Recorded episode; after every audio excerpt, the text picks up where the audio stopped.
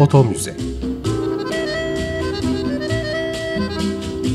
Fotoğrafın derinlerine yolculuk. Hazırlayan ve sunan Gülderen Bölüm.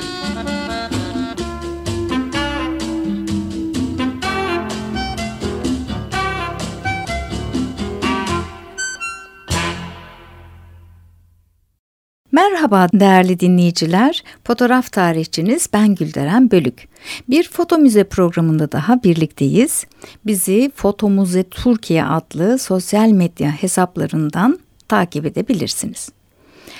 Bugün 1800'lerin ortalarında görülen ve kartomaniye olarak tanımlanan fotoğraf toplama çılgınlığından söz edeceğim. Neydi bu kartomaniye denilen tutkulu alışkanlık ve insanlar nelerin, kimlerin fotoğrafını topluyordu? Bunları konuşacağız. Fotoğraf denilen olgu icadından itibaren dikey bir hareketlilik gösterir. Yani önceleri sadece zengin elitin yararlandığı bir hizmet olur. Zamanla ucuzlamaya başladıkça halkın taleplerine de cevap verir. E, tabii ki göz önünde bulundurulması gereken paranın dışında unsurlar da var. Mesela fotoğraf çektirme edimine ihtiyaç duymak ya da arzulamak. E, ne demek istiyorum? Fotoğraf çektirmenin kişide bir karşılığın e, karşılığının olmasından söz ediyorum. E, bu karşılıklar neler olabilir? Kendi suretinin ölümsüz olacağı, sonsuza kalacağı fikri, önemli biri olduğunu ispatlama düşüncesi, merak, eğlence. Tüm bunların temel ihtiyaçlar düzeyinde yaşayan halk tabakası için çok da anlamlı olmadığını söyleyebiliriz. Fotoğraf tarihi e, aslında buluşlar ve icatlar tarihidir de. Bu alandaki gelişim ve değişim ilk andan itibaren söz konusu ve halen de devam ediyor. Neyse ki bunun iyi sonuçları da var. Teknik ve kimyasal alandaki gelişmeler zamanla fotoğrafın ucuzlamasını sağladı. Bu da fotoğrafı adım adım tabana doğru yaydı. Bugünü düşünürsek fotoğraf çektirmenin tırnak içinde bedava hale gelmesiyle bir gün içinde çekilmiş fotoğraf sayısını hayal etmeye çalışın. Evet, ucuzluk fotoğrafın kullanımını arttırmıştır. Fakat fotoğrafın erken dönemlerinde bir stüdyo açmanın da fotoğraf çektirmenin de maliyeti oldukça yüksekti. Dolayısıyla ilk zamanlarda portre fotoğraflarına maddi olarak belli bir birikime ulaşmış kişiler tarafından ilgi gösterildi. Elbette portre fotoğrafları portre resimlerine göre daha ucuzdu. Bu bakımdan da fotoğrafın soylulara özenen burjuva sınıfının imdadına yetiştiğini söyleyebiliriz. Ressamlara avuç dolusu para dökemeseler de fotoğraf sayesinde sonsuza kadar yaşayacak bir suret bırakmak onlar için de mümkün oldu. Çok değil, icadından 15 yıl sonra fotoğraf alanında yeni bir gelişme, özellikle portre alanında yoğun bir hareketlilik yarattı. Bu gelişmeyi Öjen Disteri'ye borçluyuz. Cenevalı bir kumaşçının oğlu olan Disteri, e, servet kazanma umuduyla Paris'e gider ve bir fotoğraf stüdyosu açar. Sezgisi yüksek bir kişidir. Fotoğrafı ucuzlatmanın ve daha çok kişinin portresini çekmenin yollarını düşünür, çareler arar. O günlerde fotoğrafın pahalı olmasının sebeplerinden biri şuydu. E, fotoğraf metal plakalar üzerine pozitif olarak basılıyordu. Dolayısıyla da çoğaltılamıyordu. Yani onca parayı tek bir kare fotoğraf için veriyordunuz. Diğer sebep ise o günkü teknolojide fotoğraflar büyük ebatlarda üretiliyordu. Ayrıca fotoğraf çekmek pek çok aşama ve karışık bilgiyi de gerektiriyordu. E öyle olunca da tek bir fotoğraf karesi için çok fazla zaman ve emek harcanıyordu. İşte tüm bu sebepler fotoğrafı sadece soylu ve zenginlere sunulan bir hizmet haline getiriyordu. Oysa dizlerinin niyeti daha geniş kitlelere ulaşmaktı. Şans da ondan yana oldu ve 1854 yılında bu hayalini gerçeğe dönüştürdü. Bu tarihte kartvizit formatının yani 6 e, santimetreye 9 santimetrelik bir formatın patentini alarak fotoğraf dünyasında çığır açacak bir yeniliğe imza attı. Biraz açarsak bu dahi adam öyle bir makine tasarladı ki ön plakada tek değil birden fazla objektif bulunuyordu. Bunlardan hangisinin kapağını açarsa plakanın o kısmına denk gelen yer pozlanıyordu. Yani tek bir plakaya birden fazla fotoğraf kaydedilebiliyordu.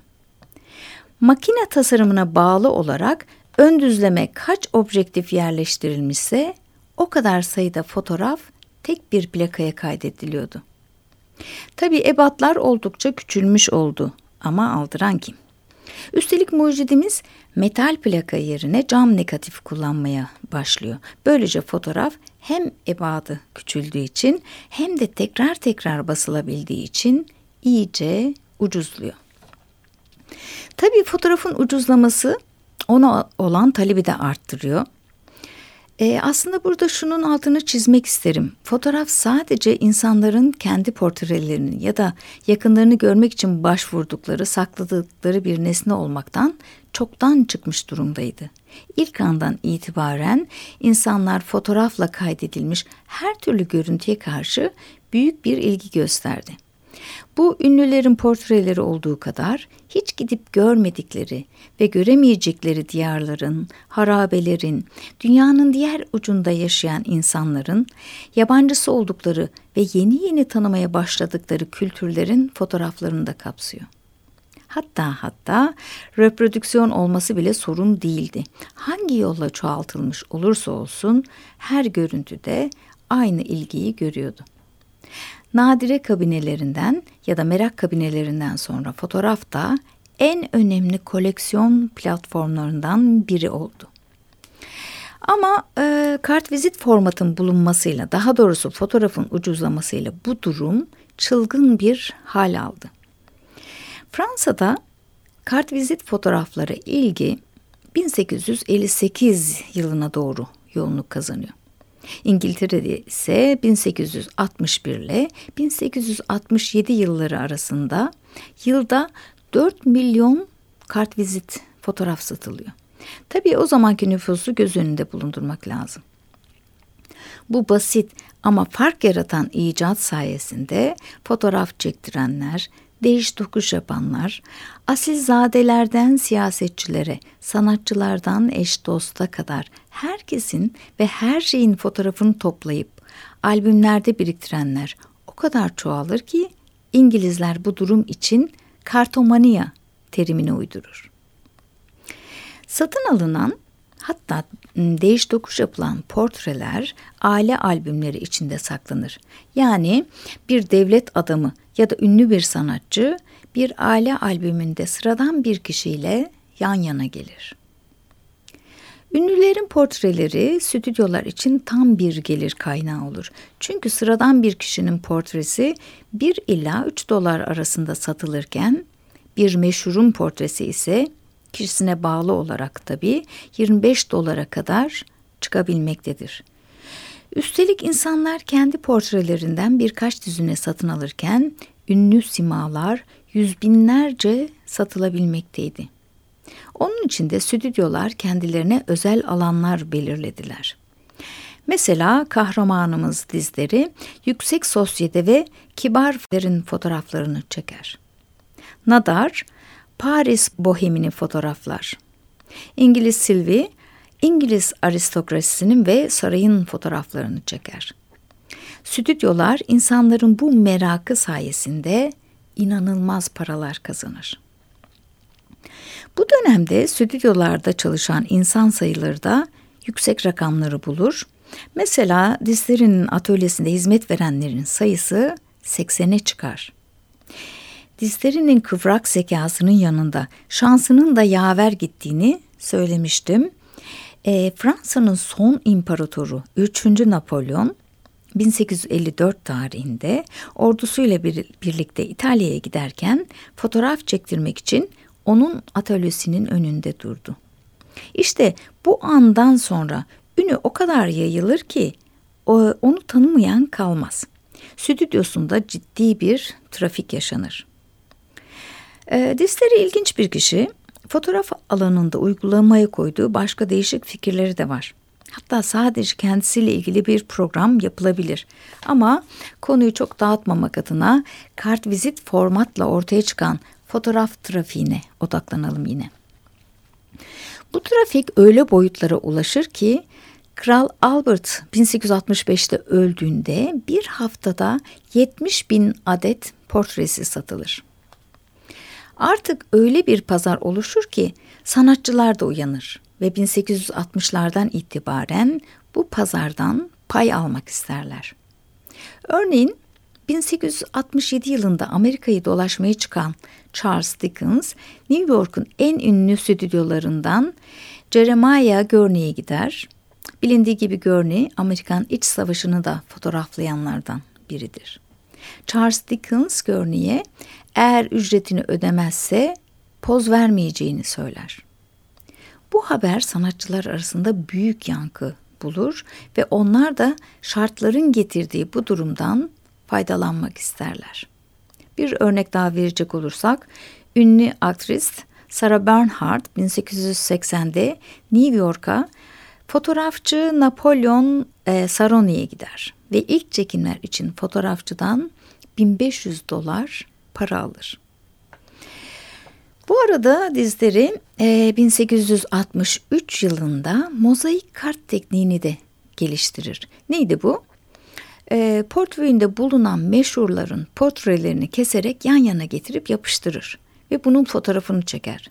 Yani portreleri kolaj yapıp tekrar fotoğrafını çekip satarak koleksiyonunun önemli bir bölümünü yeniden satmayı başarır. Dizleri bu zeki hamleyle atölyesindeki trafiği iyice arttırır. Aslında yalnız aktör ve aktrisler değildi. Devlet adamları, imparatorluk portreleri, balerin bacakları gibi sayısız seçki de elden ele, albümden albüme dolaşır. Fotoğraf alanına böylesine bir devinim katan kahramanımız bu kadar şöhret ve bu kadar parayı kazandıktan sonra ne yazık ki 1884'te Nice'de sefalet içinde ölür. Peki bizde böyle bir durum söz konusu muydu? Söz konusuysa nasıl seyrediyordu? Bu konuyu da değineceğim ama şimdi küçük bir müzik arası verelim. E, dönemin ruhuna da uygun olsun madem. E, Tchaikovsky'den Suvenia da Lia Sher dinleyelim.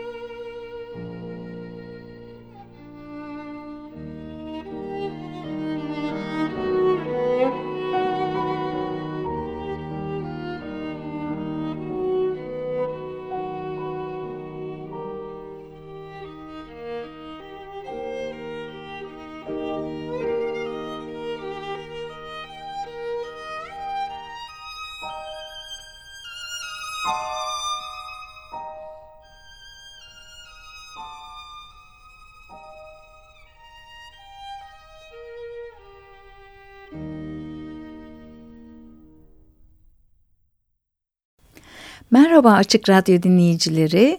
Foto Müze programındasınız. Kartomania adı verilen fotoğraf toplama çılgınlığından söz ediyoruz. Avrupa ve Amerika'yı konuştuk. Bizde durumlar nasıldı? Şimdi bunu konuşacağız. Bizim basınımızda da bu konuyla ilgili haberler çıkmış. Orhan Koloğlu'nun 1863 tarihli Ruzname-i Ceride-i Havadis gazetesinden aktardığı haberi ben de size okumak istiyorum. Herkesin sevdiği zevatın ve akrabalarının Avrupaca ünlü kişilerin resimlerini küçük küçük kağıtlara aldırıp yani kartvizit boylar kastediliyor. Özel olarak yaptırdıkları kitapların yani albümler kastediliyor. Aralarında saklamaları vazgeçilmez bir adet hükmüne girmiştir.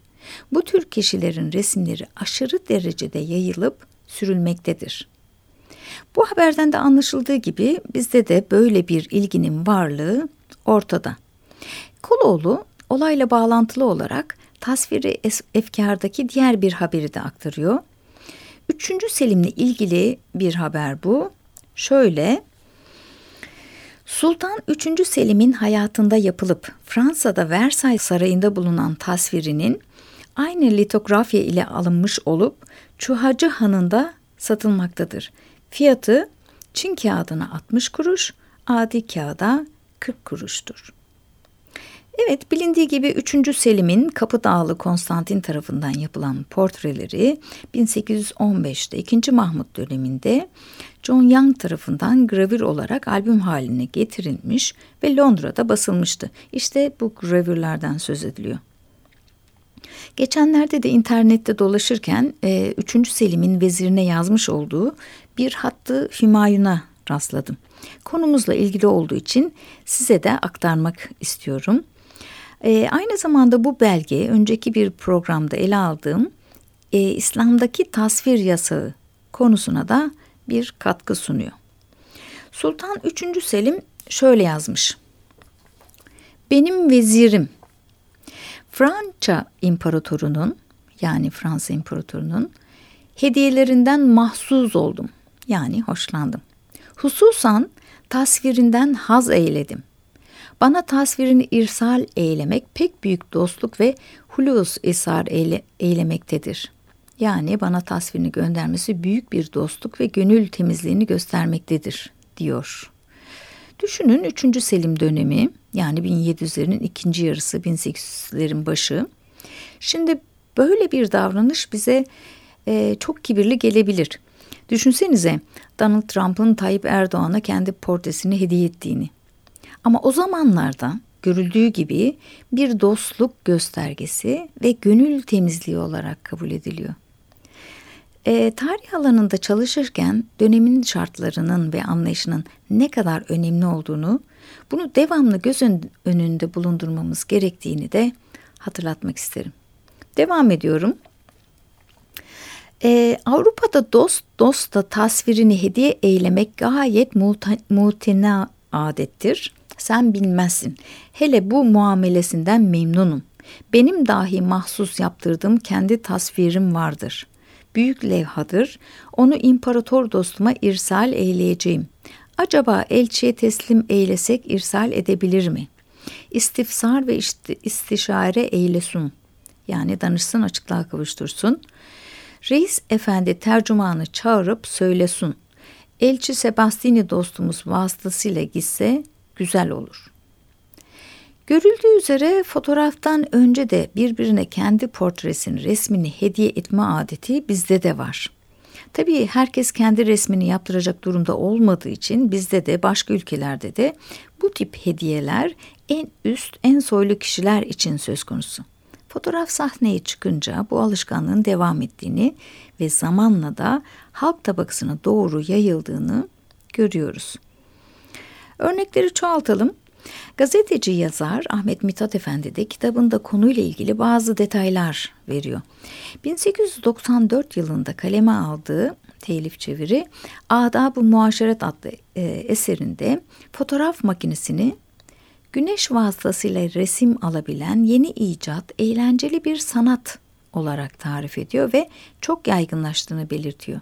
Öyle ki yalnızca Avrupa'da değil, Türkiye'de bile büyüyecek şehirlerde ikamet eden küçük büyük, zengin fakir insanlardan bu usulle resmini aldırmayan hemen hemen hiç kimsenin kalmadığını yazarak ne kadar yaygınlaştığını da bize açıklamış oluyor. Tarihe tekrar vurgu yapmak istiyorum. Yıl 1894. Devam ediyorum. Kitapta şöyle bir cümle geçiyor. Bazı kimseler posta pulu kadar ufacık fotoğrafya resimlerini vizite kağıtlarının üzerine yapıştırırlar. Bu cümleden dönemin alışkanlıklarını da anlayabiliyoruz.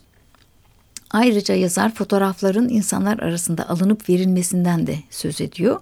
Ama tabii alınmasının da verilmesinin de bazı usulleri var.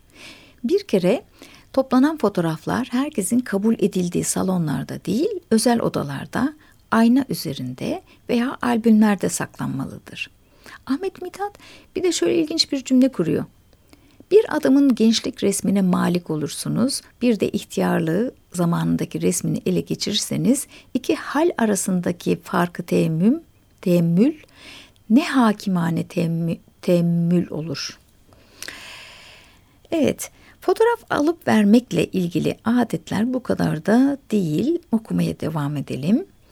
İmzalı fotoğraflar ise sahibi tarafından verildiğini verildiğini gösterir ve filanca zata yadigarı muhibbanedir yolu bir de ibare yazılır. İbareyi resmin arka sayfasına yazmak tevazu, resim cihetine yazmak ise e, teşhirin nefs maksadına mah, mahmul olur. Demek ki o zamanlarda fotoğrafın ön tarafına yazı yazmak kibirlilik e, olarak değerlendiriliyor. Arka tarafına yazmak ise alçak gönüllülük. İlginçmiş. Hanımlar ise kendi odalarına bir erkek resmi bulundurmazsa e, bulundurmazsa da bir erkekten resim istediği zaman bu bir lütuf olarak değerlendirmelidir. Erkek isterse kadın verip vermemek de serbesttir. Mamafih bir erkeğin kadından resim istemesi ve kendinde bulunan hanım resimlerini başkalarına göstermesi adab-ı muaşerete aykırı bulunur. Genç kızlar ise sadece nişanlısına resmini verir ve odalarında kendi akrabalarından ve ihtiyar dostlardan başka hiçbir erkeğin resmi bulunmamalıdır. Ahmet Mithat Efendi kitabında hatıra olarak verilen fotoğrafları çektirirken de dikkat edilmesi gereken noktaları değiniyor. Resmi yerlere ve hatıralara açık saçık resimler verilmez. Kadınlara verilecek resimler suvari kıyafetiyle olmalıdır. Subaylar ise üniforma ve rütbeleriyle resim çektirecekleri için ancak bu sembollere saygı duyacak kişilere resimlerini vermelidirler. Görüldüğü gibi fotoğraf e, biriktirme alışkanlığı bizde de gelişmiş ve kurallara bağlanmış. Şimdilerde fotoğraf sanal bir görüntüden ibaret. Çok az kişi bu dijital görüntüleri tabi ettiriyor. Dolayısıyla bahsettiğimiz bu adet günümüzde unutulmuş olabilir ama yakın geçmişe kadar bu alışkanlığın sürdüğünü de söyleyebiliriz. Hatta yakın zamanlara kadar birçoğumuzun aile albümlerinde hiç tanımadığı insanların fotoğrafları çıkmaktaydı. Karıştırsak hala da çıkar. Bu aslında geçmişteki fotoğraf değiş dokuşunun da ispatı. E, ismi zar zor hatırlanan komşuların, tanıdıkların, e, bu fotoğraflarıyla öylece kala kalan, ne yapacağını bilemeyen, atmaya kıyamayan fakat saklamak da istemeyen birçok kişi tanıdım. İşte sizin aile albümlerinize sızmış bu insanlar geçmişteki modaların esintilerini getiriyor. Kim bilir sizin aile büyüklerinizin fotoğrafları da kimlerin albümlerinde misafir. Evet sevgili dinleyiciler bir programın daha sonuna geldik. Bizi Fotomuzda Türkiye adlı Instagram ve Twitter hesabından takip etmeyi, görüş ve önerilerinizi paylaşmayı unutmayınız. Sağlıcakla kalın. Foto Müze Fotoğrafın derinlerine yolculuk Hazırlayan ve sunan Gülderen Bölüm